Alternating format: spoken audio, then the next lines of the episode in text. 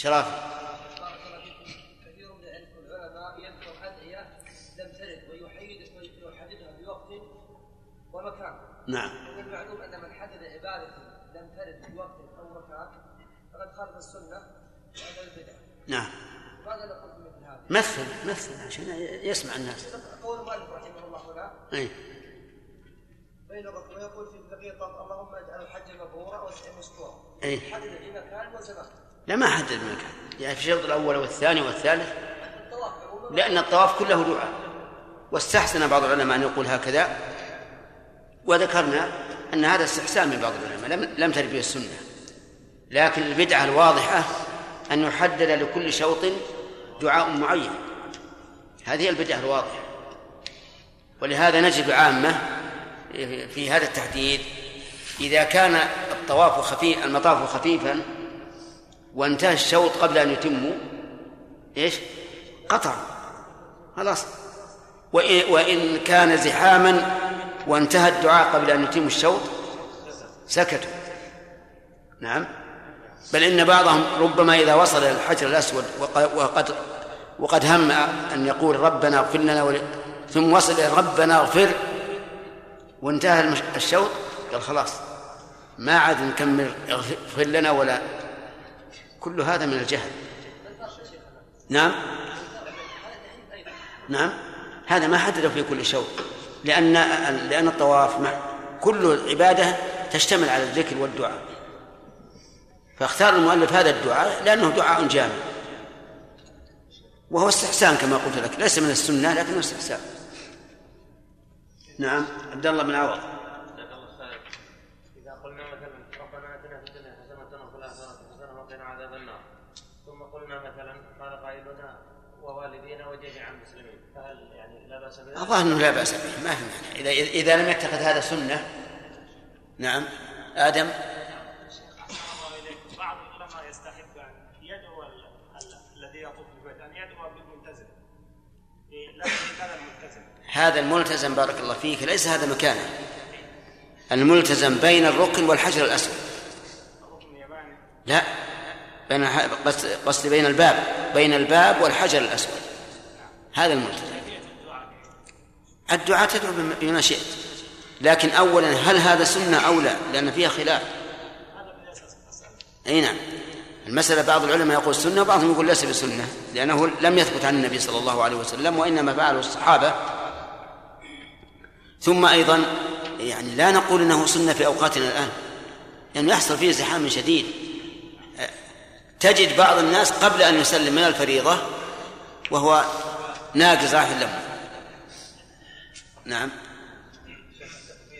إذا في كل شوط مر بالحجر هل يتوجه يتوجه إلى إلى الحجر؟ نعم. لو صح حديث عمر أنه قال إن- وجدت ساعة فاستلمه وقبله وإلا فاستقبله وهلل وكبر. هذا واضح أنه يستقبله وإلا فيشير إليه وهو ماشي. والعين باتجاه باتجاه سيره يعني. إي نعم.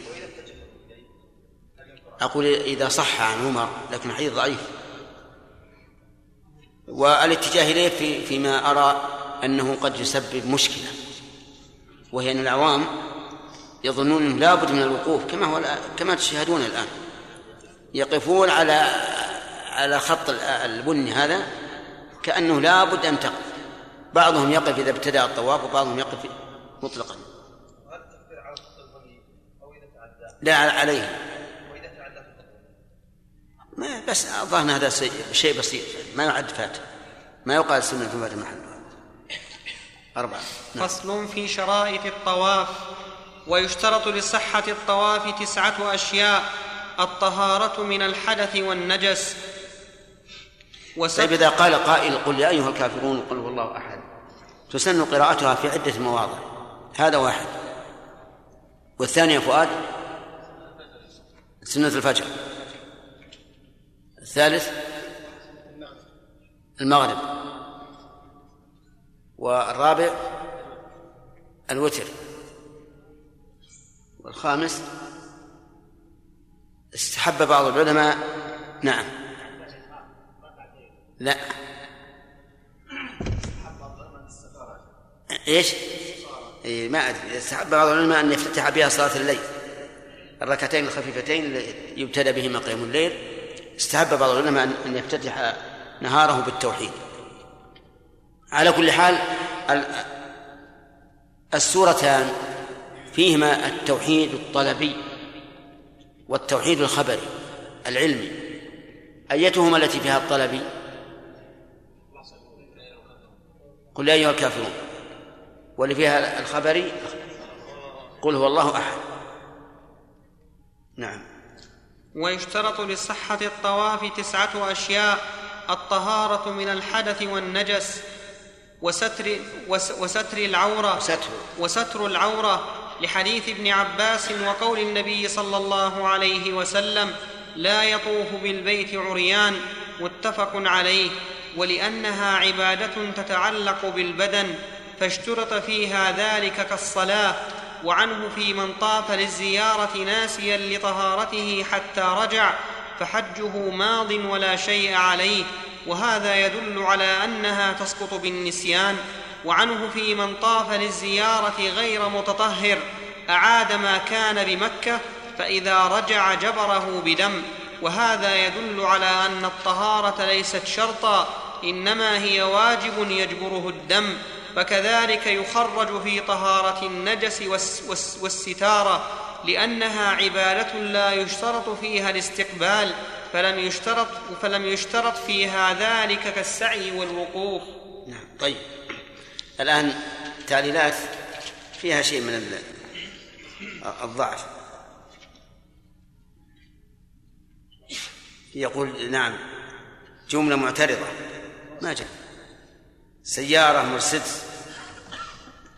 طيب هذا مهم فلنتكلم عليه إن شاء الله.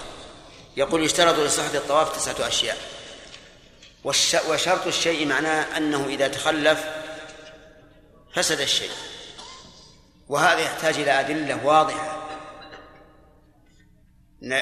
يمكننا أن نلاقي الله تعالى بها إذا أفسدنا عبادة عباد الله. ولا يكفي الظنون أو التعليلات العليلة فمثلا يقول يشترط نعم يشترط الطهارة من الحدث والنجس وستر العورة. أما ستر العورة فلقول النبي صلى الله عليه وعلى آله وسلم لا يطوف بالبيت عريان. ولكن هل هذا يدل على فساد الطواف لو طاف عريان؟ عريان يحتمل.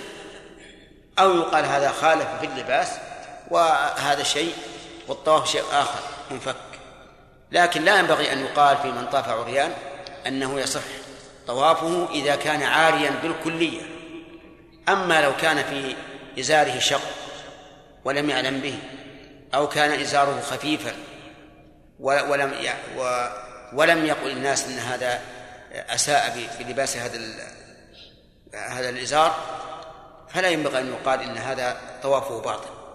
أما لو أن الإنسان خلع والعياذ بالله ازاره بالكلية وصار يطوف عريان هذا لا بأس لا بأس أن نقول لا طواف له لأنه يشبه المستهزئ ولأن الناس أيضا لم يمكن لا يمكن أن يمكنوه.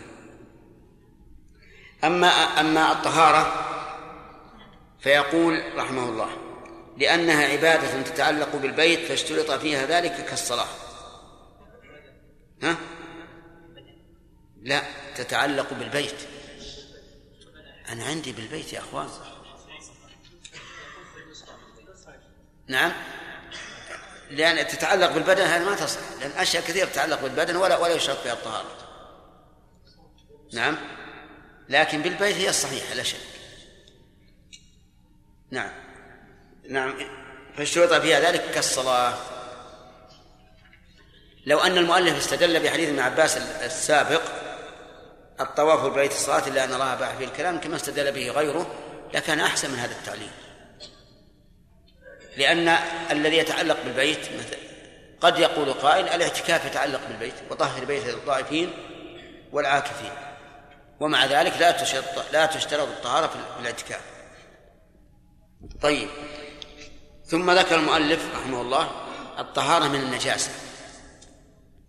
يعني بمعنى أن لا يكون على الإنسان أو على بدن على بدنه أو على ثوبه أو في بقعته نجاسة. كالصلاة. وهذا أيضا فيه نظر. والصواب أنه لا شك أنه إذا تطهر فهو أفضل لكن لو فرض أن الإنسان طاف بإزار نجس فإنه لا إعادة عليه. أما إن كان ناسيا أو جاهلا فالأمر واضح وأما إن كان متعمدا فليس هناك دليل يدل على هذا.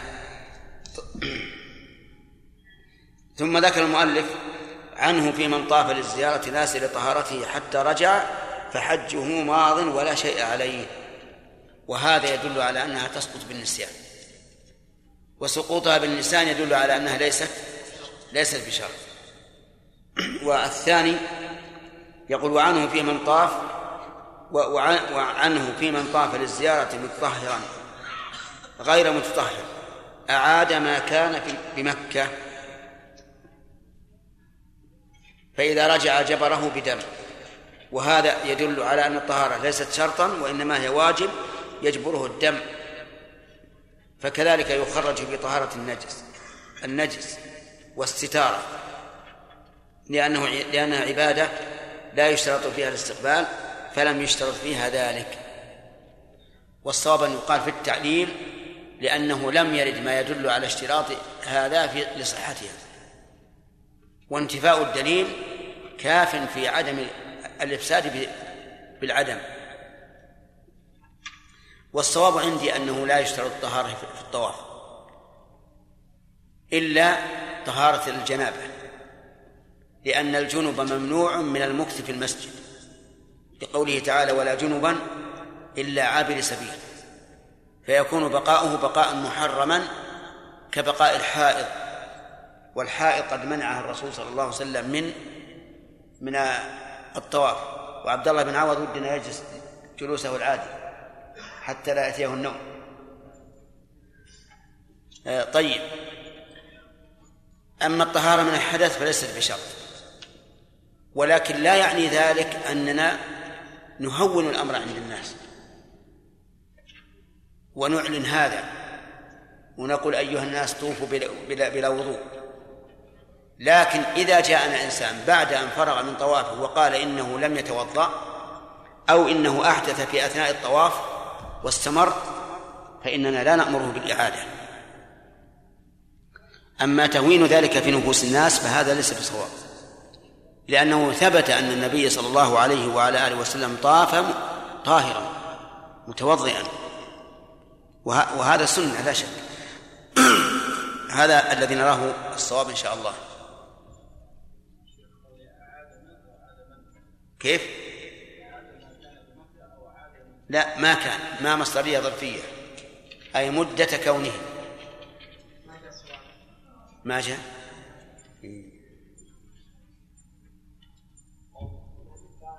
يقول ما جاء السؤال.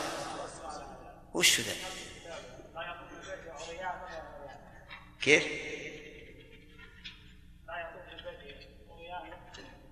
عندي ب... عريانا. لا غلط. بالرفع.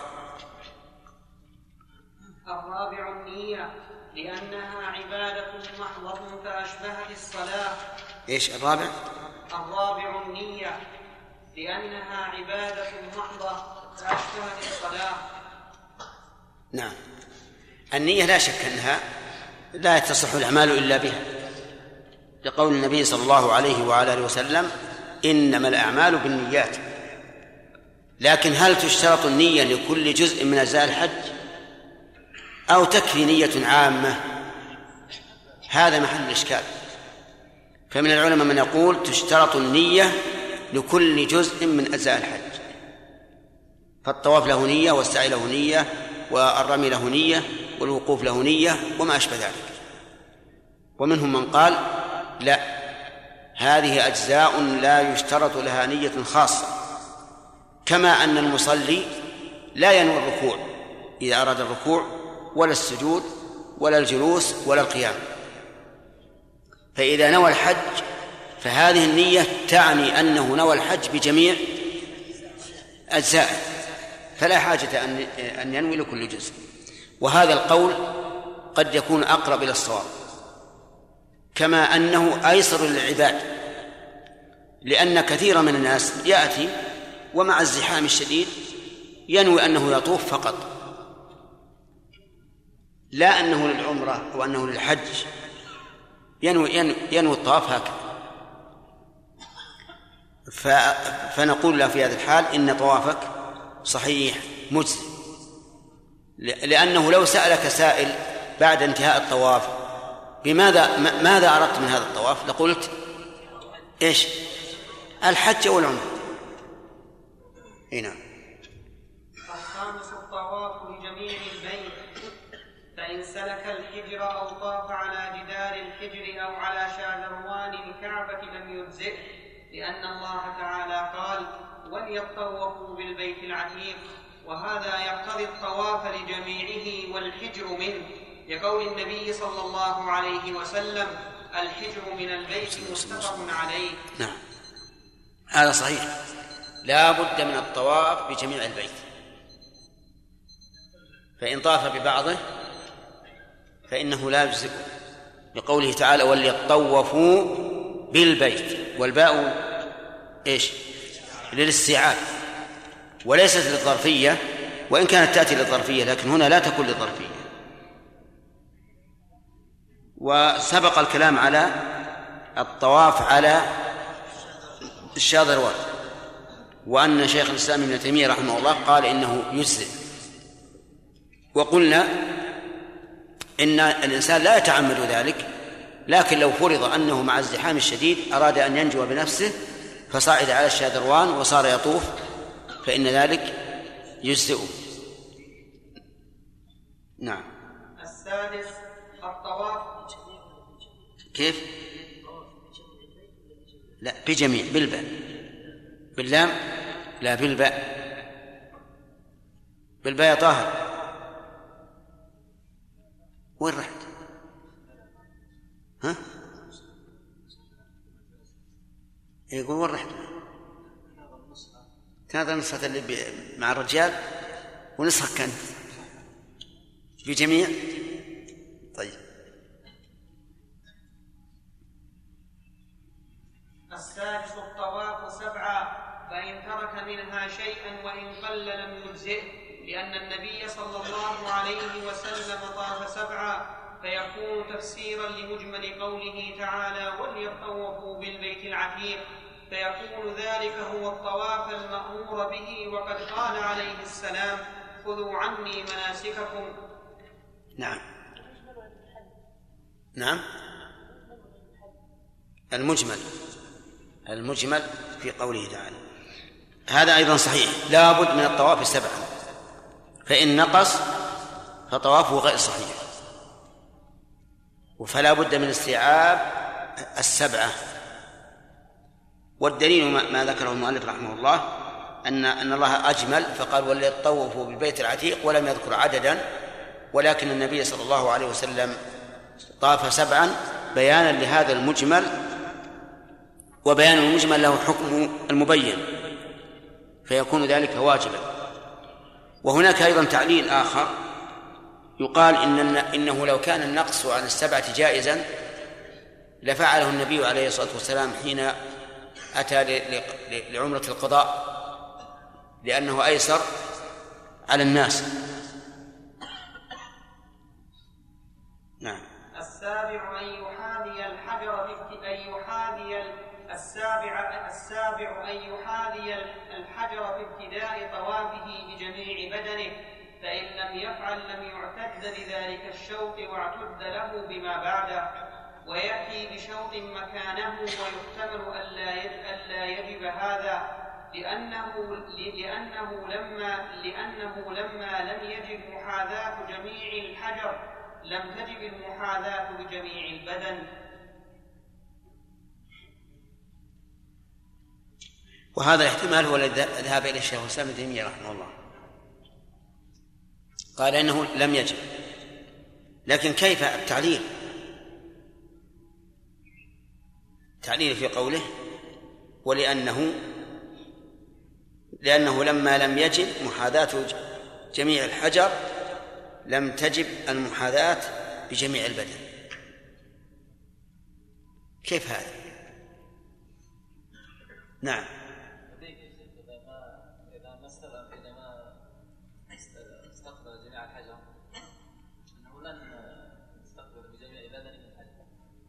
لكن هل يمكن أن يستقبله بجميع بدنه ويكون غير مستقبل لجميع الحجر.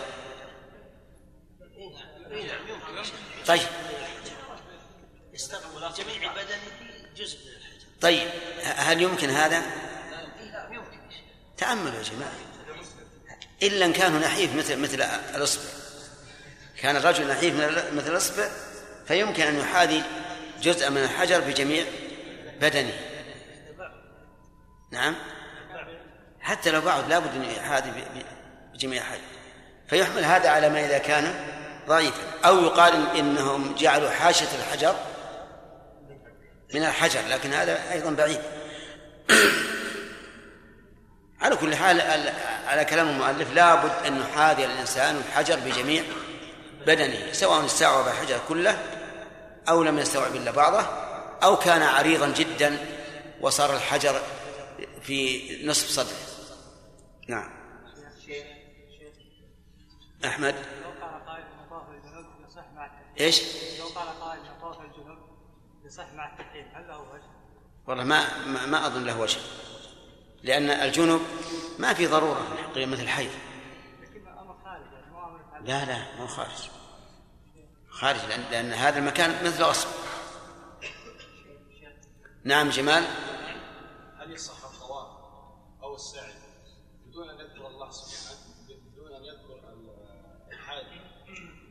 أما على كلام الفقهاء فليس بشرط.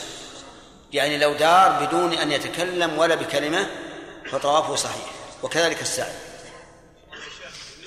لكنه ناقص لا شك أنه طواف ناقص وسعي ناقص. الوهاب؟ لو قدم شيخ الحاج أو المعتمر ووجد في نفسه شيء من يعني الارهاق فلم يبدأ بالبيت وذهب إلى الفندق أو إلى منى يستريح. كان نقول له قليل ليس على كل حال أن تعرف أن من ترك السنة لعذر فهو كمن فعلها. نعم.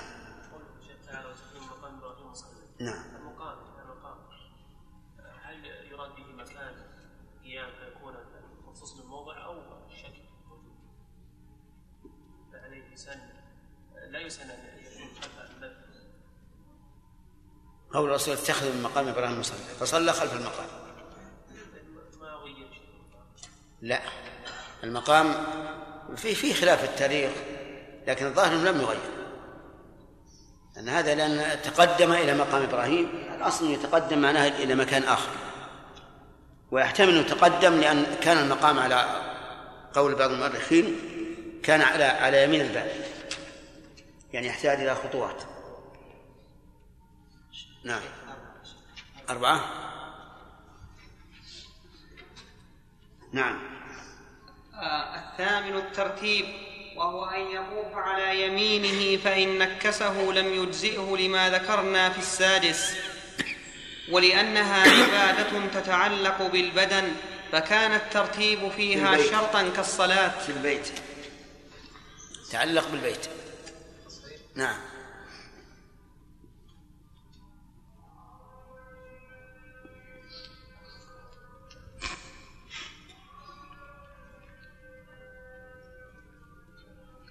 الترتيب لا شك يعني الترتيب بهذا المعنى الذي ذكر لا شك أنه واجب.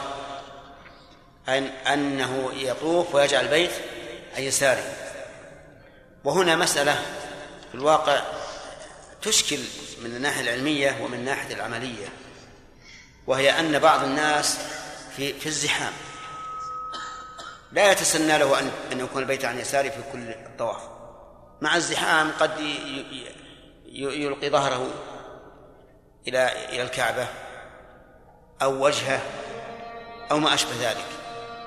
فهل نقول إن هذا جزء يسير كالالتفات في الصلاة وأنه يسامح عنه؟ لا سيما إذا كان الإنسان يعني يحمل على ذلك حملا. أو يقال إذا حصل مثل هذا فيلغو هذا الشوط ويأتي بدله بشوط آخر. والإجابة بعد الأذان الله أكبر الله أكبر الله أكبر الله أكبر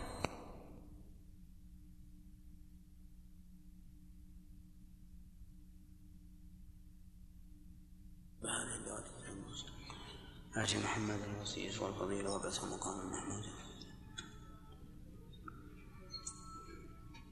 ما تقولون؟ ما هو الأول؟ أنه يعني يعفى عنه يعفى عنه.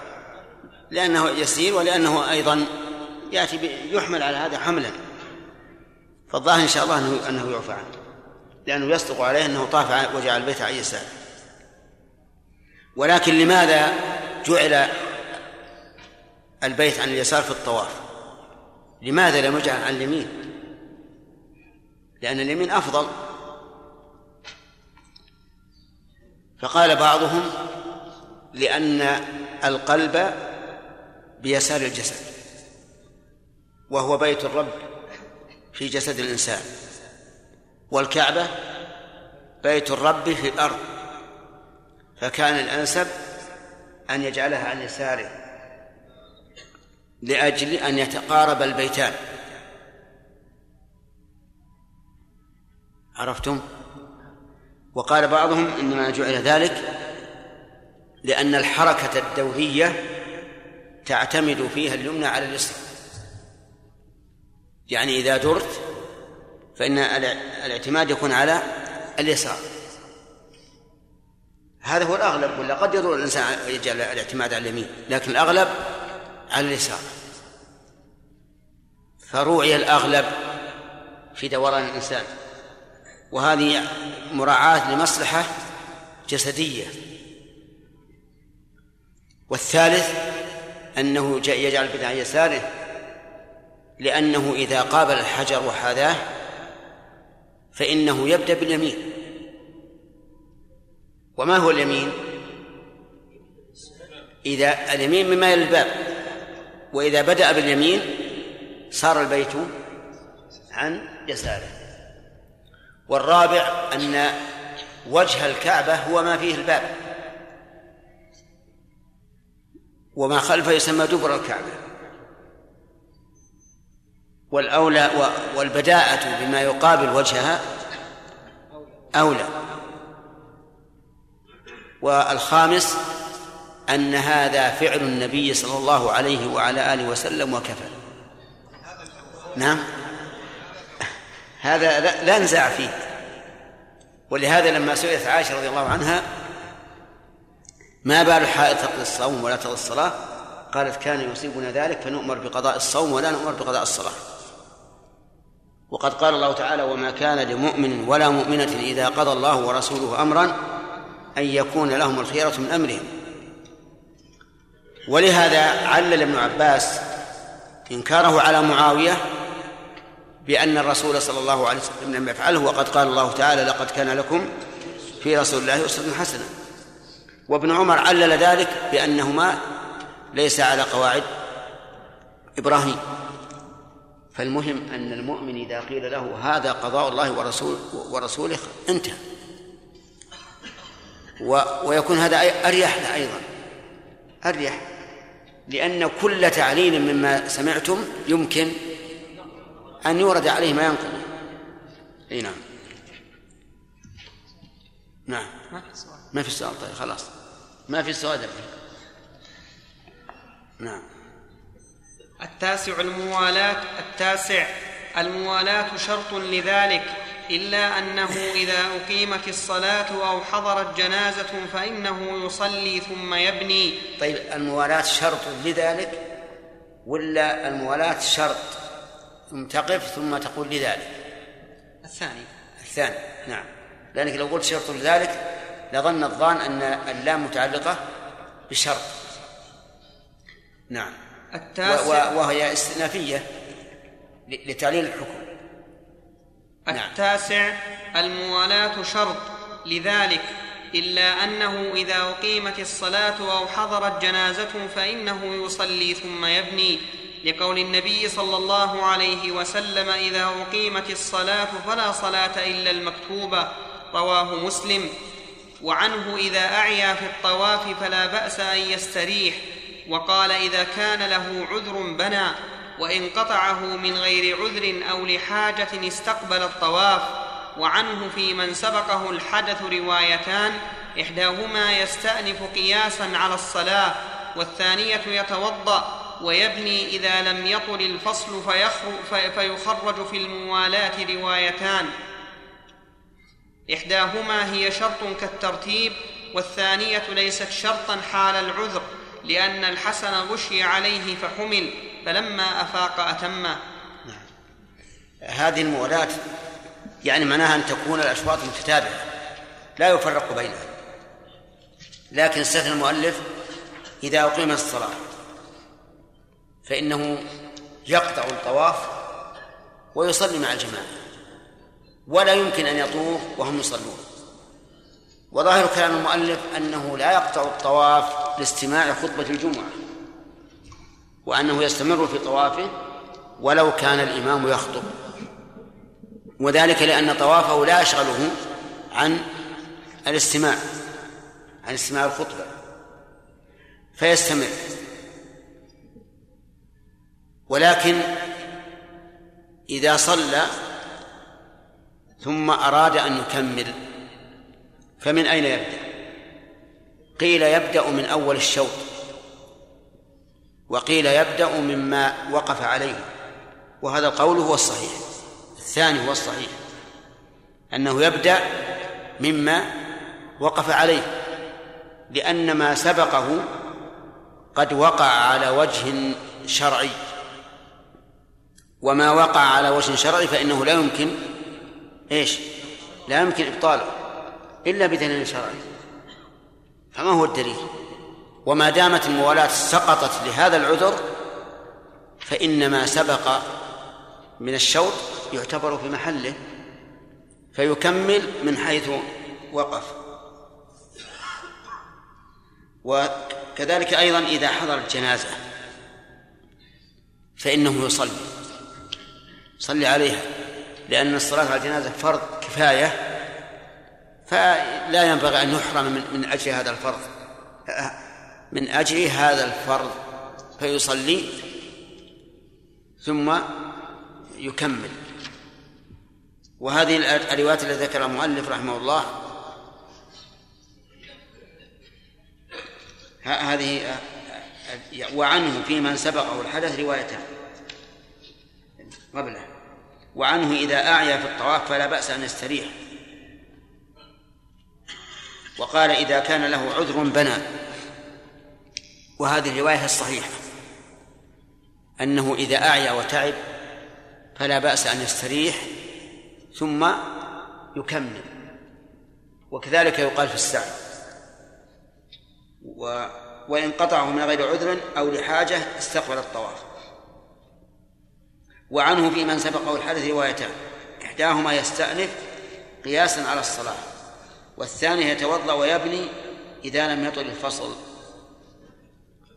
والرواية الثانية تدل على أنه لا يشترط في الطواف الطهارة. لأنه لو اشترط الطهارة لبطل الطواف بالحدث وإذا بطل بالحدث لم يمكن البناء على ما سبق. نعم. و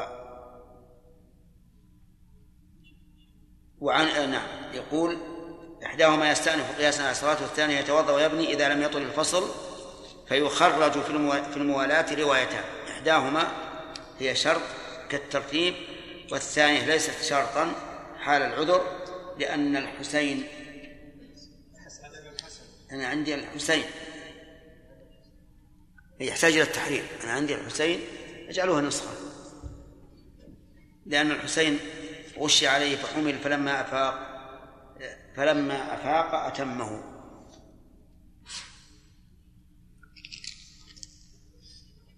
هذا يقول جملة معترضة. هذا صحيح ما يجوز أن الإنسان يلقي ما يؤذي الناس في الطريق. لأن إذا أخذنا بقياس العكس العكس وقلنا إن إماطة الأذى عن الطريق صدقة صار وضع الأذى في الطريق إيش؟ خطيئة. أما الثاني فيقول أيضا جملة معترضة. الثانية؟ فصل. ما جاء السؤال يا شيخ؟ لا. ما جاء سؤال. لا. لا. ما في سؤال. شيخ الورقة مضغوطة؟ قال. ذلك ورقة ورقة ثانية ورقتين إحنا الحين تغير علينا المجد شلون يا شيخ؟ ما- في ورقة شيخ خالد ما قرأت؟ لا لا. يا شيخ ما قرأت إلا ستة أسطر على كل حال أنا قلت من من ال- الحاكم في هذا المكان؟ لا بس أنا أستغرب يعني. لا لا أبدا. امشي على ما على ما عندك بس. فصل في سنن الطواف وسننه استلام الركن وتقبيله أو ما قام مقامه من الإشارة والدعاء والذكر في من مواضع الإشارة. سم. ضف على قوله من فسم. وسننه استلام الركن وتقبيله أو ما قام مقامه من الإشارة. والدعاء والذكر في مواضعه والاطباع والرمل والمشي في مواضعه لأن ذلك هيئة في الطواف فلم تجب كالجهر والاخفات في الصلاة. وركعة الطواف ليست واجبة لأن الأعرابي لما سأل النبي صلى الله عليه وسلم عن الفرائض ذكر الصلوات الخمس قال فهل علي غيرها؟ قال لا إلا أن تطوع متفق عليه. هذا الحديث يستدل به كثير من العلماء في نفي الوجوب في بعض الصلوات. و... وعندي أن الاستدلال به في- فيه نظر. لأن. لأن الأعرابي إنما سأل عن الصلوات الدائمة التي تكون كل كل وقت. أما العارضة فهذه مقرونة بأسبابها. وقد يدل الدليل على الوجوب وقد يدل الدليل على الاستحباب.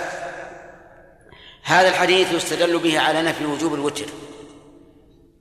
على نفي وجوب الوتر. لماذا؟ لأنه يتكرر كل يوم. فلو كان هناك صلاة واجبة في اليوم والليلة غير غير الخمس لبينه الرسول عليه الصلاة والسلام. وأما أن نجعله دليلا على كل شيء حتى فيما قرن بسبب فهذا توسع في الاستدلال لا وجه له.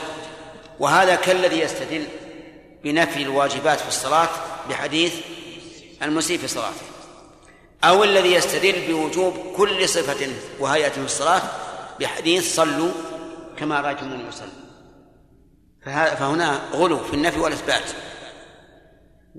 فيقال إن هذا الحديث لا يدل على نفي الوجوب وجوب صلاة ركعتي الطواف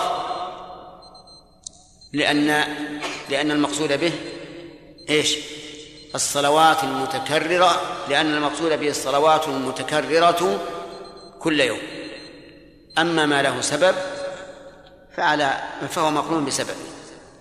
ولهذا لا لا نستدل به على عدم وجوب تحية المسجد. أو على عدم وجوب صلاة الكسوف أو على عدم وجوب صلاة العيد أو ما أشبه ذلك.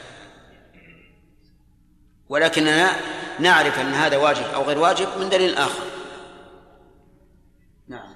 ولأنها صلاة لم يشرع لها جماعة فلم تجب كسائر النوافل ولكنها سنة مؤكدة وإن صلى المكتوبة بعد طوافه أجزأته عنهما فإن جمع بين الأسابيع وصلى لكل أسبوع ركعتين طيب جاز إن صلى المكتوبة بعد طوافه أجزأته عنهما ما هو الدليل؟ الدليل هو أن المقصود أن يصلي بعد الطواف وهذا يحصل بالفريضة وربما يستدل لذلك بأن النبي صلى الله عليه وعلى آله وسلم حين طاف للوداع صلى ركعتي صلى صلاة الفجر ثم ركب. وإن كان هذا قد يعارض بأن يقال ليس فيه نفي لصلاة لركعتي الطواف. نعم. الشيخ الشيخ حسن الله إليكم. ذكرنا بأن الجنب لا يجوز طوافه بالبيت لأنه ممنوع من البقاء في البيت. نعم. أحسن الله إليكم. أفلا يلزم على هذا أنه لو توضأ جاز له أن يطوف. نعم. نعم يلزم على هذا وهو صحيح. أنه لو توضأ لو جاز- توضأ جاز أن يطوف. لأنه يجوز المكث في المسجد. إلا إذا قلنا بوجوب الطهارة من الحدث فالأمر ظاهر. نعم. شيخ هل تجب بارك الله فيكم الموالاة بين يعني الطواف والسعي؟ بمعنى لو لو م- معروف لا تجب المولاة. لو طاف أول النهار وسعى في آخر النهار فلا بأس. نعم. قاضي.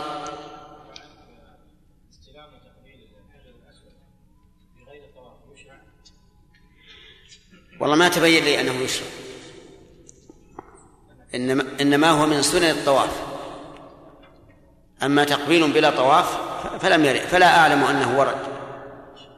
نعم. نعم. الله المستعان. يتقاتلون عليه. اي بغير طواف يلا سامي.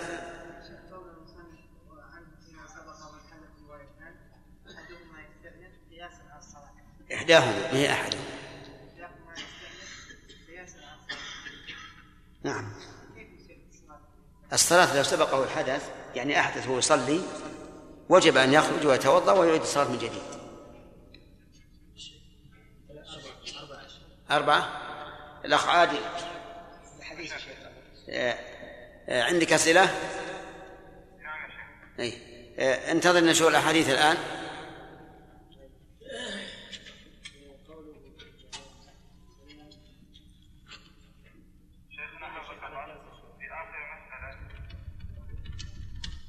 نعم.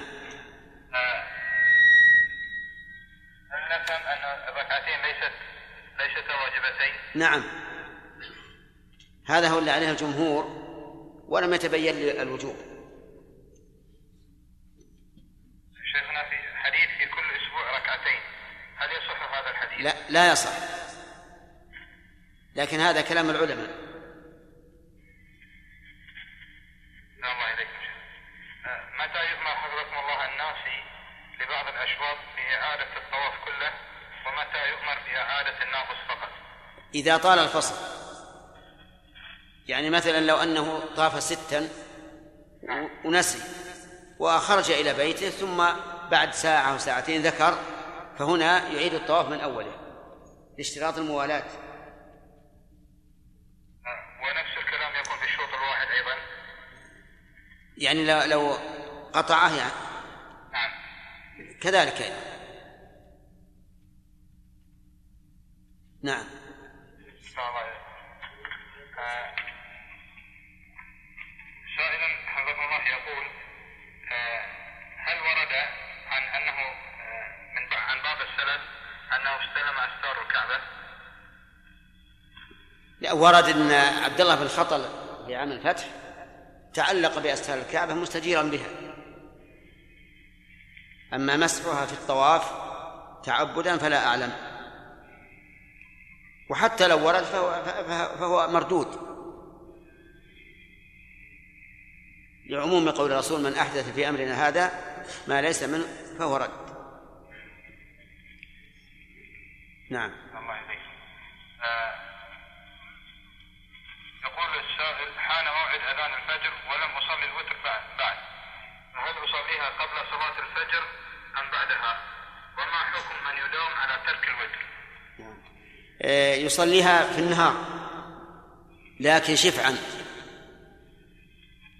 بمعنى إذا كان من عادته أن يوتر بثلاث صلى أربعا ركعتين ركعتين. وإذا كان من عادته أن يوتر بسبع صلى ثمانيا كما ثبت عن النبي صلى الله عليه وعلى آله وسلم أنه إذا غلبه نوم أو وجع في الصلاة عن صلاة الليل صلى في النهار ثنتي عشرة ركعة. وأما من داوم على ترك الوتر فقد قال الإمام أحمد رحمه الله من ترك الوتر فهو رجل سوء لا ينبغي أن تقبل له شهادة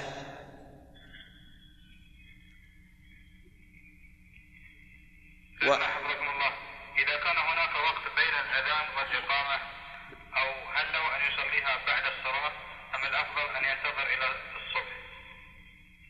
حجاج يشير لأن هذا أن الأسئلة الستة انتهت. لكن لا بأس أن نت- أن نتصدق.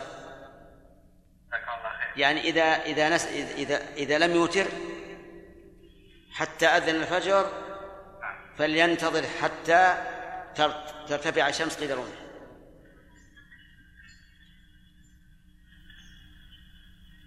معلوم؟ نعم شيخ. طيب. قال الإمام الموفق أبو محمد رحمه الله تعالى فصل في كتاب الحج في كتاب الكافي فصل في سنن الطواف. آه، وركعة الطواف ليست واجبة لأن الأعرابي لما سأل النبي صلى الله عليه وسلم عن الفرائض ذكر الصلوات الخمس قال فهل علي غيرها؟ قال لا إلا أن تطوع. متفق عليه. ولأنها صلاة لم يشفع لها جماعة فلم تجب كسائر النوافل ولكنها سنة مؤكدة. وإن صلى المكتوبة بعد طوافه أجزأته عنهما فإن جمع بين الأسابيع قرانا هذا. فإن جمع. أين يا شيخ؟ لا ماشي امشي امشي. لأن قصدي يوم أقول هذا علشان ما ما تتطلعون إلى تعليق على ذلك. فإن جمع بين الأسابيع وصلى لكل أسبوع ركعتين جاز لأن عائشة والمسور بن مخرمة فعلا ذلك. ولا تجب الموالاة بينهما لما ذكرنا وأن يطوف نعم. آه، يقول المؤلف رحمه الله إذا جمع أسابيع يعني طاف سبعا ثم سبعا ثم سبعا ولم يصلي بينهما فإنه يصلي لكل أسبوع ركعتين. لأن كل سبعة أشواط لها ركعتان. وهذا يدلنا على مسألة تقع في الجمع بين الصلاتين. إذا جمع بين المغرب والعشاء فهل نقول إن صلاة ركعتين تكفي عن راتبتي المغرب والعشاء أو يصلي أربعا. الثاني يصلي أربعا. فلا تتداخل الركعتان.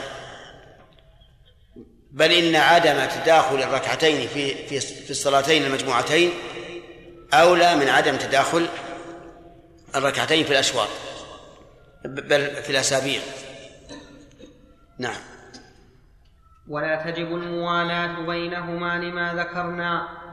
وأن يطوف ماشيا فإن طاف راكبا. بينهما أي بين الطواف والركعتين. وأما الموالاة بين أجزاء الطواف فقد سبق أنها شرط. نعم. فإن طاف راكبا أجزاه لأن النبي صلى الله عليه وسلم طاف على بعيره وأمر أم سلمة فطافت راكبة من وراء الناس. حديث أم سلمة متفق عليه. ويجوز أن يحمله إنسان فيطوف به لأنه في معنى الراكب وإن طاف راكب هذا ما ذهب إليه المؤلف رحمه الله ولكن المذهب أنه يشترط أن يطوف الراكب. ماشيا إلا لعذر. والاستدلال بأحاديث أم سلمة فيه نظر لأن الدليل أخص من المدلول فإن أم سلمة اشتكت إلى النبي صلى الله عليه وسلم في طواف الوداع أنها مريضة فقال لها طوفي من وراء الناس وأنت راكبة.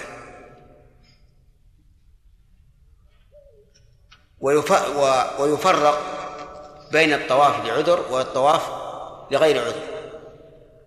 وأما طواف النبي صلى الله عليه وسلم راكبا على بعيره فهذا لفائدة عظيمة. وهي أن يراه الناس ويستنوا به. يعني يفعل أن يفعلوا مثل ما فعل. فحديث أم سلمة لعذر وحاجة وحديث النبي صلى الله عليه وسلم لمصلحة لمصلحة عظيمة. ولهذا كان الاحتياط بلا شك أن لا يطوف راكبا إلا لعذر. والمحمول إيش؟ كالراكب. المحمول كالراكب. والذي يدف بعربية كالراكب أيضا. إذا كان لعذر فلا شك في جوازه وإذا كان لغ- لغير عذر ففي جوابه ففي جوازه نظر. نعم. وإن طاف راكبا أو محمولا لغير عذر ففيه روايتان. إحداهما يجزئه لأن الله تعالى أمر بالطواف مطلقا وهذا قد طاف ولأن النبي صلى الله عليه وسلم طاف راكبا وهو صحيح. والثانية لا يجزئه لأنها عبادة تتعلق بالبدن فلم بالبيت. يج بالبيت.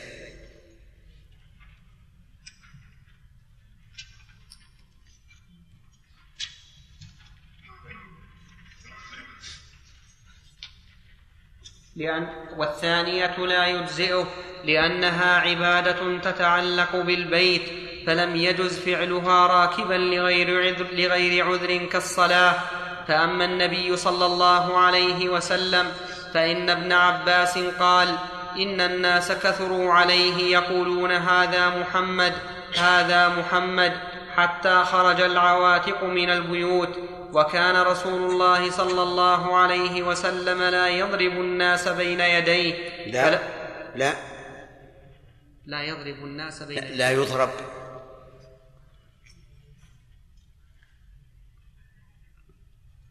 شيخ شيخ عندنا المعلق قال إن هنا بال- بالبيت خطأ.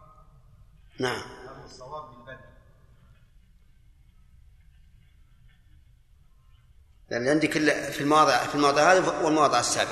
قال أشار إلى انه في الموضع السابق كذلك خطا أي.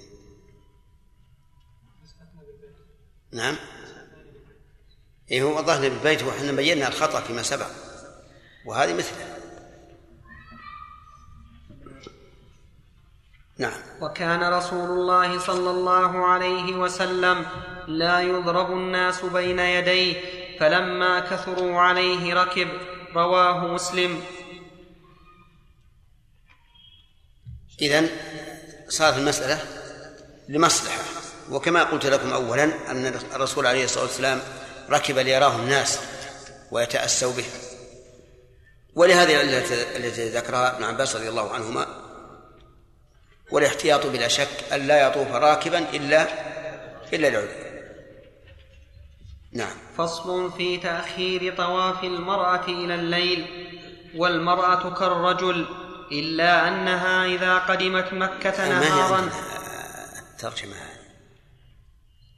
هذه موجودة بكتاب عندك؟ إي نعم هذا بناء على طلب الأخوة في البحث إي لا بأس لكن بس الترجمة الترجمة أقصر بكثير من المسائل هذه. لا لو قال فصل في حكم طواف المرأة.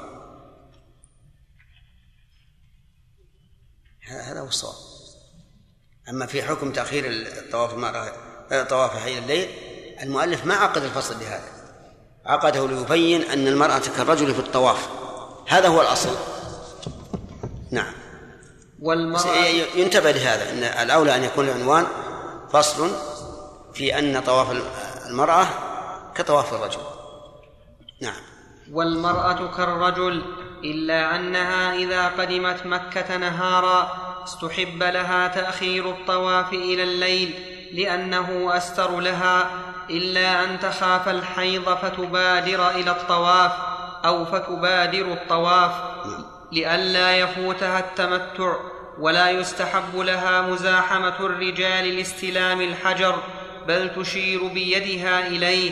قال عطاء كانت عائشة تطوف حجزة من الرجال لا تخالطهم فقالت امرأة انطلقي نستلم يا أم المؤمنين. قالت انطلقي عنك وأبت وليس في حقها رمل ولا اطباع لأنه يستحب لها التستر ولأن الرمل شرع في الأصل لإظهار الجلد والقوة ولا يقصد ذلك من المرأة ولذلك لا يسن الرمل في حق المكي.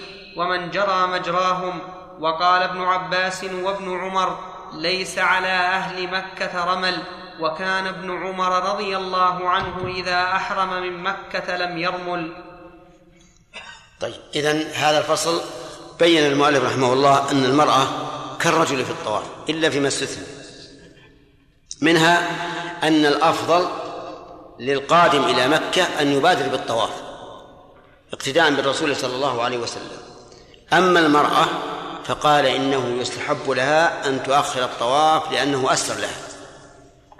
ومعلوم أن هذه العلة في وقتنا الحاضر منتفية وعلى هذا فيسن لها أن تبادر بالطواف كما يبادر الرجل. كذلك أيضا قال إيه، إنه إنها لا تستلم الحجر إذا كان هناك مزاحمة. والصحيح أن هذا لها وللرجال. لكن بشرط يختلف الرجل عنها بأن الزحام اليسير بالنسبة للرجل لا يمنع استحباب استلام الحجر. وأما الزحام الذي يذهب الخشوع ويكون الإنسان بين بين الحياة والموت فهذا لا يسن له أن يستلم الحجر ولا ولا يحاول ذلك. أما المرأة فمجرد الزحام ولو يسيرا يمنع من استحباب استلامها الحجر. ومنها أنه ليس لها رمل ولا اطباع. أما عدم الاطباع فظاهر. كيف تطبع؟ تخرج كتفها الأيمن؟ لا يمكن. نعم.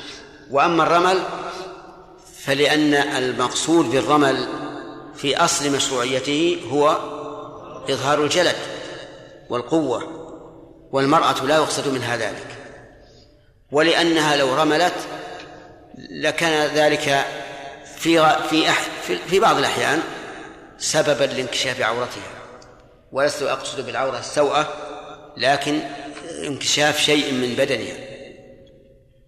وبهذا نعرف خطأ أولئك النساء اللاتي يرملن في الطواف. طيب والسعي والسعي كذلك لا تسعى. إلا أنه يعكر على السعي أن الأصل في مشروعية السعي هو تذكر حال أم إسماعيل. وأم إسماعيل في مكان السعي أي في بطن الوادي كانت تسعى. فلماذا لا تسعى النساء؟ حكى بعض أهل العلم الإجماع على أن المرأة لا يسن لها الرمل في الطواف ولا السعي في في فيما بين الصفا والمروة. ولأنه قد يكون السبب له حال والحكم المرتب على هذا السبب له حال أخرى. انظر الآن إلى سبب الرمل في الطواف. أليس سببه أن النبي عليه الصلاة والسلام أراد من الصحابة أن يظهروا قوتهم وجلدهم؟ ولهذا أمرهم أن يمشوا ما بين الركنين. لكن هل بقي هذا الحكم؟ لا. لا لم يبقى. بل كان الناس الآن يرملون من الحجر إلى الحجر ولا يمشوا ما بين الركنين. الرمل أصله باقي لكن ترك الرمل فيما بين الركن اليماني والحجر الأسود نعم آه، زال. وصار الناس الآن يرملون كل الأشواط الثلاثة. أهل مكة ليس عليهم رمل.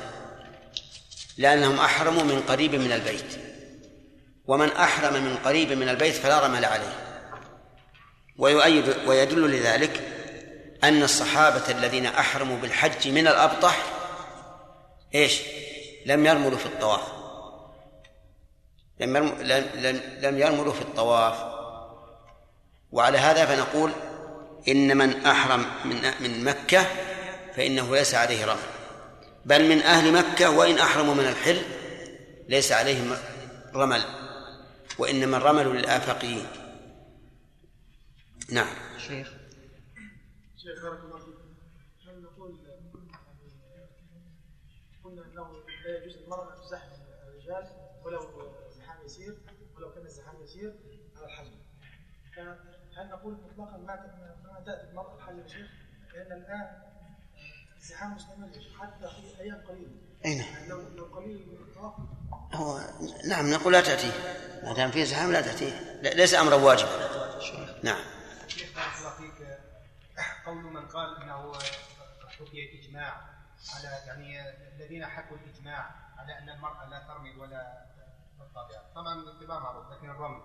يعني هل يؤخذ من هذا ان أننا لا نعتد بقول أهل الظاهر؟ إذا خالفوا غيرهم من الفقهاء. بعض العلماء لا يعتد بخلافه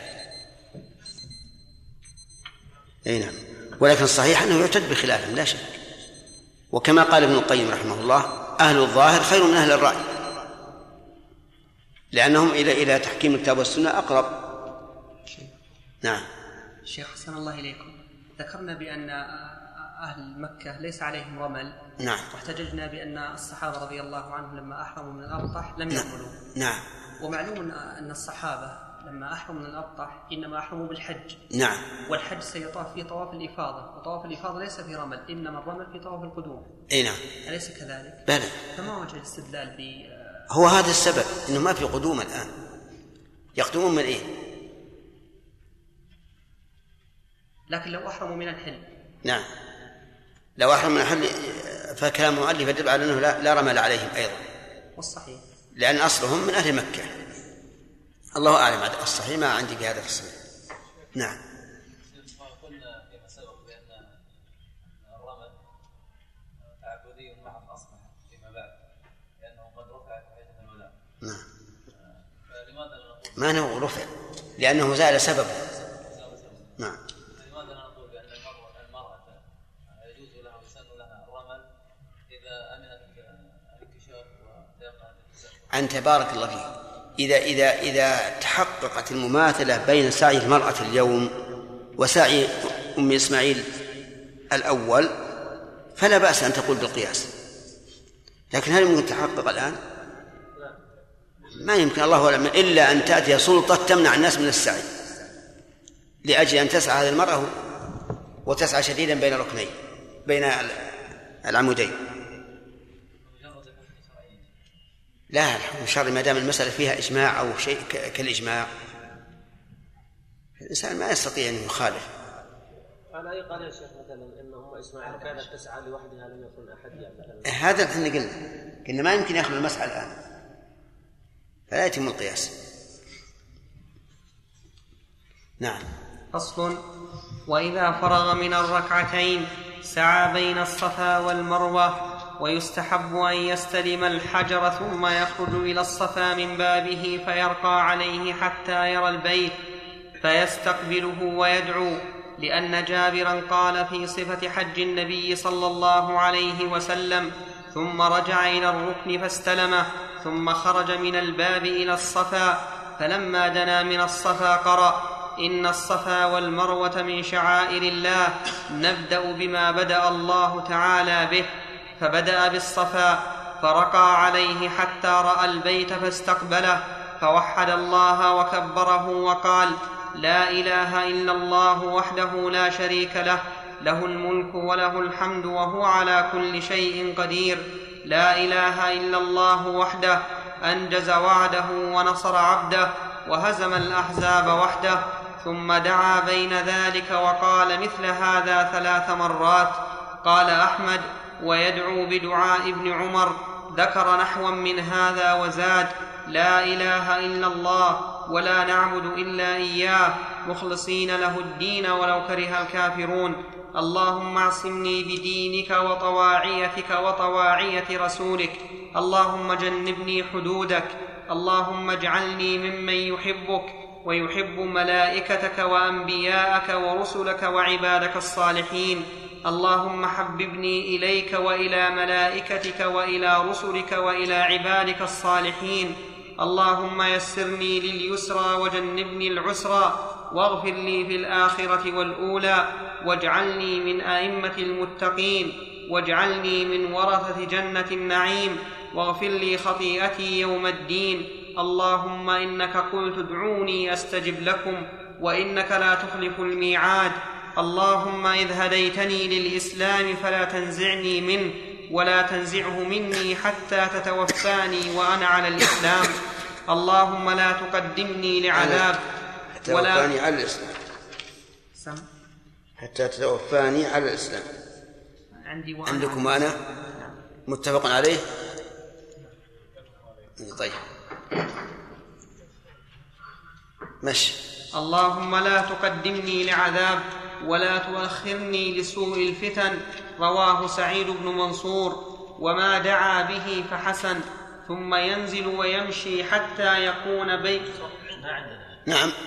وما دعا- به فحسن. لا عندي لكن عندي رواه سعيد ما هي عندي نعم. اي طيب. المثبت مقدم على النافي ولا بد إن شاء الله بحرة في هذه في هذه في هذه الجملة مسائل. المسألة الأولى إذا فرغ من ركعتين وأراد السعي بين الصفا والمروة رجع إلى الركن أي إلى الحجر الأسود فاستلمه. وهذا الاستلام ليس فيه تقبيل. وهو سنة لمن أراد الخروج للسعي. وأما من طاف وخرج لغير السعي فليس بسنة. وكذلك لو لم يتيسر له الاستلام فالظاهر أنه لا يشير إليه.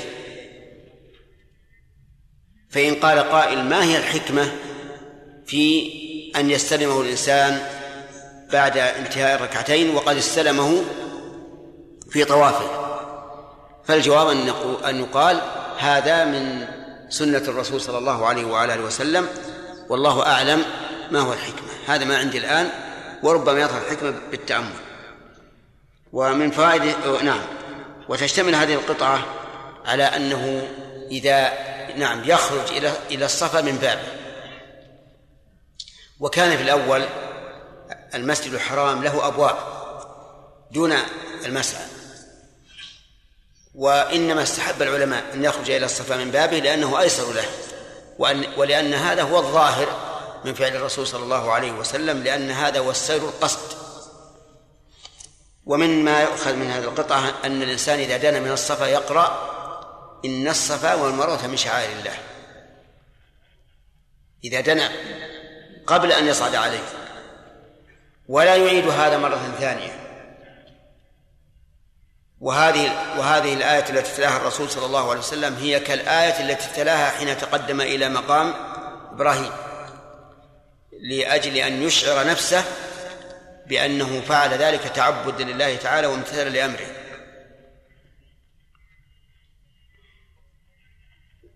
طيب و و و ومما يؤخذ منها أيضا هل يكمل الإنسان فيقول نبدأ بما بدأ الله به؟ أو إن الرسول صلى الله عليه وسلم قالها تشريعا لا تعبدا بها. يحتمل هذا وهذا. يحتمل أن النبي صلى الله عليه وسلم قال نبدأ أو قال أبدأ بما بدأ الله به تشريعا. كأنه يقول للناس بدأت بالصفا لأن الله بدأ به. ويحتمل أن تكون من تمام الذكر.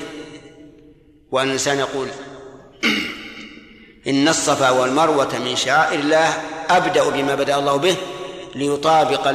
ليطابق اللسان القلب. فإن القلب لا شك أراد أن يبدأ بالصفا واتجه إليه. لكن من أجل أن القلب يطابق أن اللسان يطابق القلب. ويؤكد أنه إنما بدأ بالصفاء لأن الله بدأ به.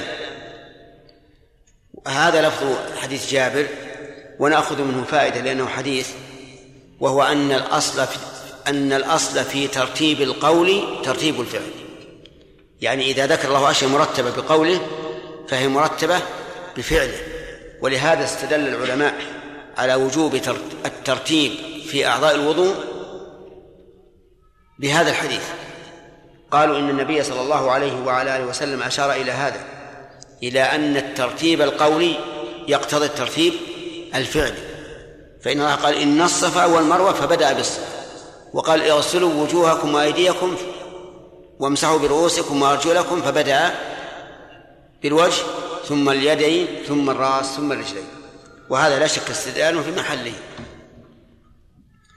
ومما يؤخذ من هذه القطعة أن الإنسان يصعد الصفا حتى يرى البيت أي الكعبة فيستقبلها ويمد يديه مد الدعاء. وليس كما يفعل العامة الآن يشيرون إليه إشارة تكبير الصلاة لا يمد يديه مد الدعاء ويقول ما ذكره المؤلف من ذكر الله عز وجل وما ثبت به الحديث ويدعو بين ذلك. فيكرر الذكر ثلاث مرات ويدعو مرتين ثم ينزل متجها إلى المروة. نعم. ونقف على هذا لجل الأسئلة نعم. أبين. لا جاء من حديث آخر. حديث آخر غير هذا. نعم.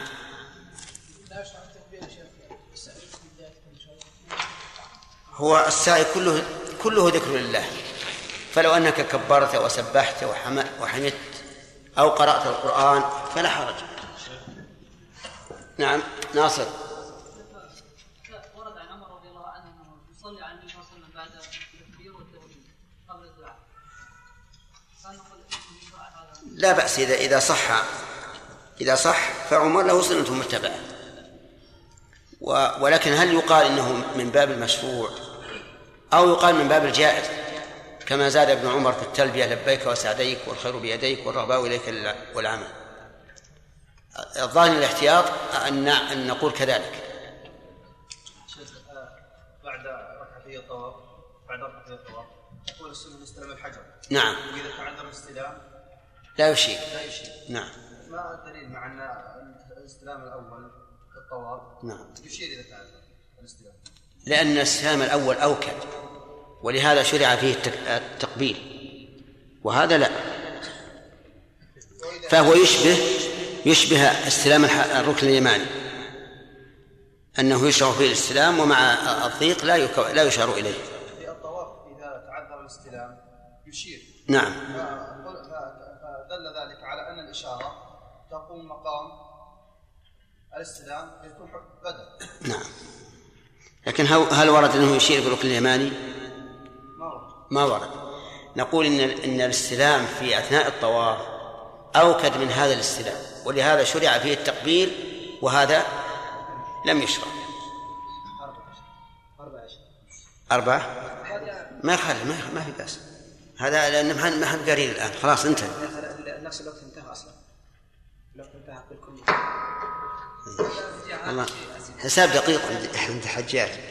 نعم. بارك الله فيكم. الآن من المعلوم أنه من المتعذر أن يستلم الإنسان الحجر الاسود اذا إذا صلى ركعتين أو في غيره هل نقول يشرع الإنسان أن يأتي إلى الخط البني إيه. نعم. لم يستلم هذا سؤال وارد صحيح. يعني هل نقول إنه يشرع إذا صلى ركعتين أن يأتي إلى الخط المحاذي للحجر؟ نقول لا فائدة من الاتيان هنا. لأن السعي إلى الحجر مقصود لغيره.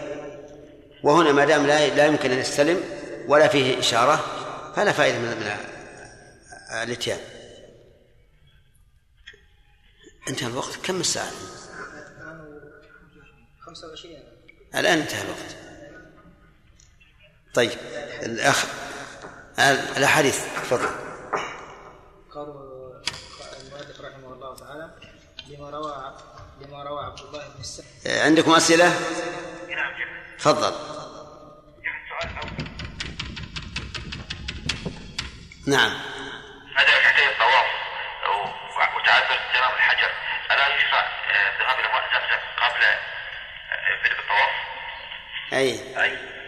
آه، الفقهاء يرون شرب ماء زمزم في يوم العيد لأنه لم يرد عن النبي صلى الله عليه وسلم إلا يوم العيد. إليكم شيخنا هناك مجموعة من الأخوة يقومون بحج البدن وأن أن أفضل نسك هو نسك التمتع لكن سفر الأخوة يكون في الثامن من الحجة وما يسبب لهم إحراج في القيام بال- بالعمرة فلذلك يفردون الحج ويقومون بإخراج دم صدقة في البحرين أو أحد البلدان الفقيرة تعويضا عن- هدي التمتع هل أي. هذا صحيح؟ لا هذا غير صحيح لأن من أخذ حجا عن الغير وشرط عليه أن يتمتع فلا بد أن يقدم مكة في وقت يمكنه فيه التمتع. وإلا فليقل لصاحب الحجة أنا لا لا لا, لا أريد أن أن أذهب إلى إلى مكة إلا متأخرا فأذن لي أن أجعل الحج قرانا.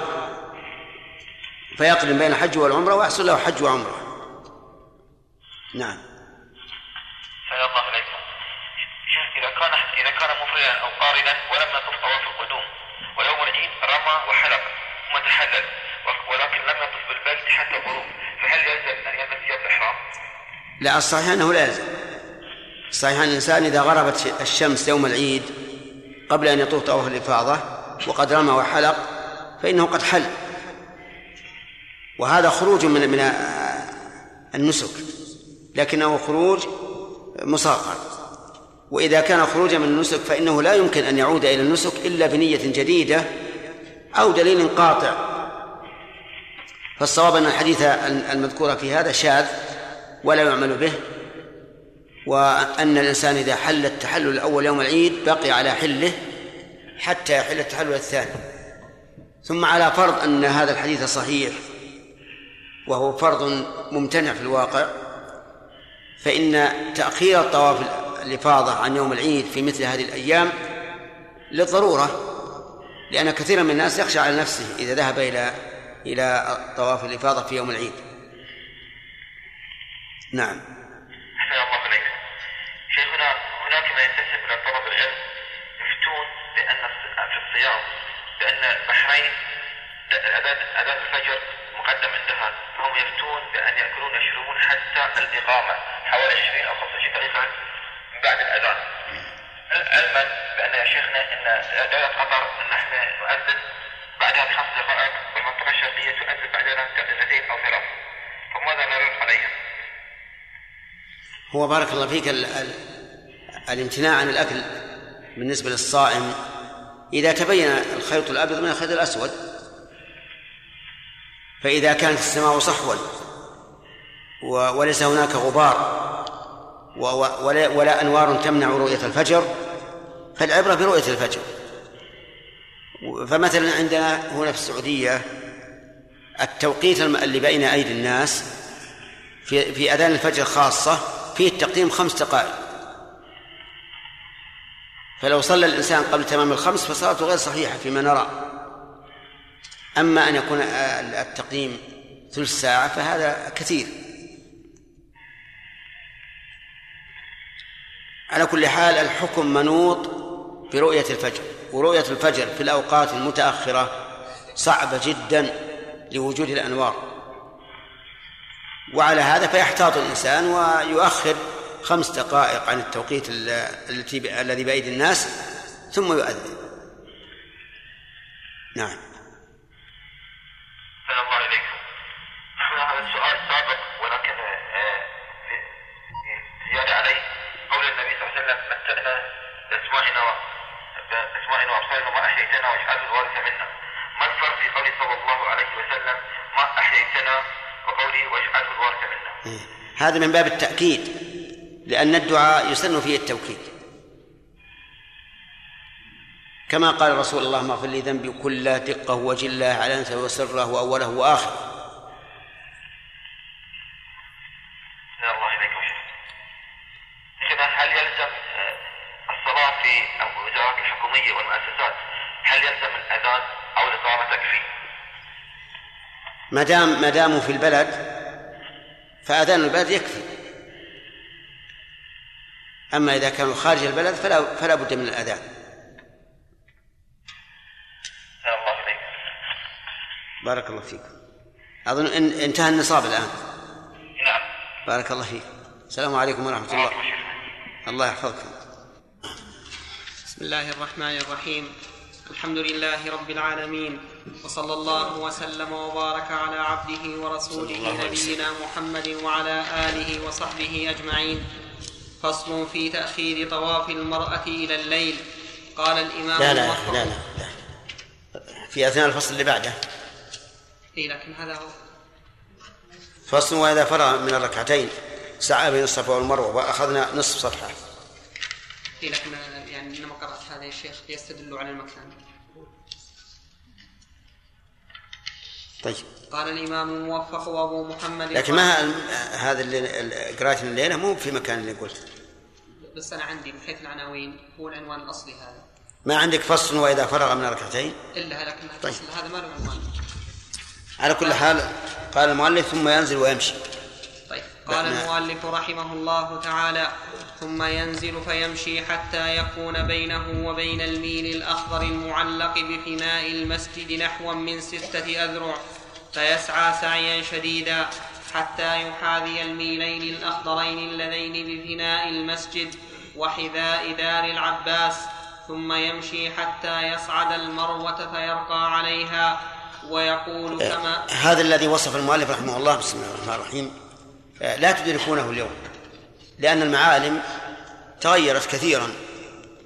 كان الناس بالأول المسجد الحرام ينتهي قبل أن تصل إلى الصفا. بينه وبين الصفا سوق شارع تمشي منه السيارات. وأنا أذكر أن الناس يسعون وإذا جاءت السيارة وقفوا عشان تمشي. يعني تقطع المسعى. نعم. في في زاوية المسجد بعد ما ينتهي هذا الشارع فيه عمود معلق كما قال المؤلف. عمود أخضر لكن لا يتصل بالأرض مجهول علامة. لكن هذا العمود بعد أن أن أن تقطع الشارع. والشارع هذا هو مجرى السير يعني هو الوادي. وبين طرف الشارع إلى هذا العمود نحو ستة أذرع. فلهذا قال العلماء إلى أن يكون بينك وبين هذا العمود ستة أذرع. أما الآن والحمد لله فتعرفون أن وضعت أعلام خضراء. نعم وضعت أعلام خضراء على الجانبين وفوقها أنوار خضراء أيضا. حتى يكون الذي لا يراها من اليمين أو الشمال يرى آه الإضاءة. اقترح بعض الناس أن يكون أيضا تحت القدمين آه، بلاط أخضر. لكن هذا هذا الاقتراح تبين أنه غير وجيه. لأنه لو كان هناك شيء لكان هؤلاء الجهال يقفون على هذا الأخضر ثم يعوقون الناس. وتعرفون أن أكثر الناس ليس عندهم علم وبصيرة فلهذا رؤي أن لا يوضع شيء في الأرض. وقال يكفي الأعمدة على اليمين والشمال والأنوار وقول مر رحمه الله يسعى سعيا شديدا. يسعى يعني يركض ركضا شديدا. حتى رؤي النبي صلى الله عليه وعلى آله وسلم تدور به إزاره من شدة السعي. وهذا مقيد بما إذا لم يشق على الإنسان بأذية له أو لغيره. فإن كان لا يمكن إلا بأذية له أو لغيره فلا يؤذي. يمشي حسب ما يستطيع. نعم. ثم يمشي حتى يصعد المروة فيرقى عليها ويقول كما قال على الصفا. ثم ينزل فيمشي في موضع مشيه ويسعى في موضع سعيه حتى يكمل ذلك سبعا. يحتسب بالذهاب سعية وبالرجوع أخرى يفتتح بالصفا ويختم بالمروة لأن جابرا قال ثم نزل. يعني النبي صلى الله عليه وسلم إلى المروة حتى إذا انصبت قدماه رمل في بطن الوادي حتى إذا صعدنا مشى. اللفظ اللي نعرف من حديث جابر حتى إذا انصبت قدماه في بطن الوادي سعى. سعى وفرق بين سعى ورمل السعي أشد من الرمل. فإن صحت هذه اللفظة فالمراد بها السعي نعم. حتى حتى إذا صعدنا مشى حتى أتى المروة ففعل على المروة كما فعل على الصفا. فلما كان آخر طوافه على المروة وذكر الحديث رواه مسلم. ويدعو فيما بينهما ويذكر الله تعالى. قال أبو عبد الله كان ابن مسعود إذا سعى بين الصفا والمروة قال رب اغفر وارحم واعف عما تعلم وأنت الأعز الأكرم. وقال النبي صلى الله عليه وسلم إنما جعل رمي الجمال والسعي بين الصفا والمروة لإقامة ذكر الله وهو حديث حسن صحيح. إنما جعل من الجاعل؟ وهذا الجعل شرعي. فهو بمعنى إنما شرع. لأن الجعل كوني وشرعي. فقول الله تعالى ما جعل الله من بحيرة ولا سائبة ولا وصيلة ولا حام. هذا الجعل المنفي شرط وقوله تعالى وجعلنا الليل لباسا وجعلنا النهار معاشا. هذا جعل كوني. نعم. والواج فصل. والواجب من هذا ثلاثة أشياء. استيفاء السبع. فإن ترك منها شيئا وإن قل لم يجزئه.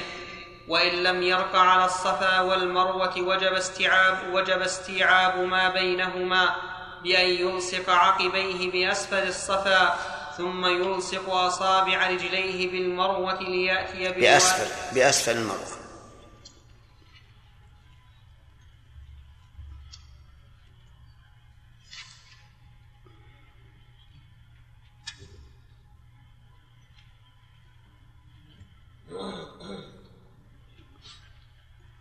ثم يلصق أصابع رجليه بأسفل المروة ليأتي بالواجب كله والبداء الآن الآن هل يمكن هذا؟ نعم. ما في حد حتى يلصق العقبين بأسفل الصفا ولا الأصابع بأسفل المروة لكن كان ذلك فيما سبق. كان بدا كان فيما سبق مدرج. درج. مثل درج الباب هذا. من أراد أن يصعد صعد على هذا الدرج. ومن لم يرد أن يصعد استوعب ما بين الدرج. وعلى هذا فتلصق عقبيك في آخر درجة من درجات إيش؟ الصفا. وتلصق أصبعيك آه، أصابعك في آخر درجة من درج المروة. أما الآن فليس موجودا لكن الممر الذي جعل للعربيات حده هو حد حد المسح الواجب. حده هو حد المسح الواجب. تذكرون ذلك أو لا؟ تذكرون الممر؟ إذا انتهى الممر فقد انتهى الواجب. وليس بلازم أن تصعد. ولا أن ولا أن تطوف حول الدائرة إذا كنت تسعى من فوق. فيمكنك إذا كنت تسعى من فوق أن تصل إلى إيش؟ إلى الجدار. جدار الدائرة سواء في المروة أو في الصفا. وهم بعد الآن والحمد لله جزاهم الله خيرا صغروا الدائرة التي في المروة في الصفا. فاتسع الممر الذي من ورائها وكذلك اتسع ما ما ما قبلها من من المسعى. فالحاصل الآن أن الإنسان إذا استوعب هذه الأصياخ التي جعلت لممر العربيات فقد أتى بالواجب. وإن صعد واستقبل القبلة كما قال المؤلف فهو أفضل. نعم. والبداءة بالصفا لخبر جابر فإن بدأ بالو... فإن بدأ بالمروة لم يعتد ما خبر جابر؟ أنه قال فبدأ بالصفا فرقي عليه. فبدأ بالصفا. نعم فإن بدأ بالمروة لم يعتد له بذلك الشوط واعتد له بما بعده وترتيب السعي طيب. على الطواف فلو سعى إذا بدأ بالمروة هل يعتد له بهذا الشوط؟ طيب لكن رجل بدأ بالمروة وأتم بالصفا كم سعى؟ ستة أشواط فلا بد أن يعود إلى المروة. وذلك لأن الشوط الأول الذي ابتدأه من المروة قد لغى. واضح؟ نعم. وترتيب السعي على الطواف فلم سع فلو سعى قبله لم يجزئه لأن النبي صلى الله عليه وسلم إنما سعى بعد طوافه وقال خذوا عني مناسككم. ولو طاف وسعى ثم علم أن طوافه غير صحيح لعدم الطهارة أو غيرها لم يعتد له بسعيه لفوات الترتيب. نعم. الترتيب بين الطواف والسعي شرط. لأن النبي صلى الله عليه وسلم رتبه كذلك. ولأن الله تعالى قال فمن حج البيت أو اعتمر فلا جناح عليه أن يطوف بهما. فمن حج البيت أو اعتمر فلا جناح عليه أن يطوف بهما فبدأ بذكر البيت. ولأن الطواف أهم لقوله تعالى وليطوفوا بالبيت العتيق والذي ينبغي أن يبدأ بإيش؟ بالأهم فالأهم.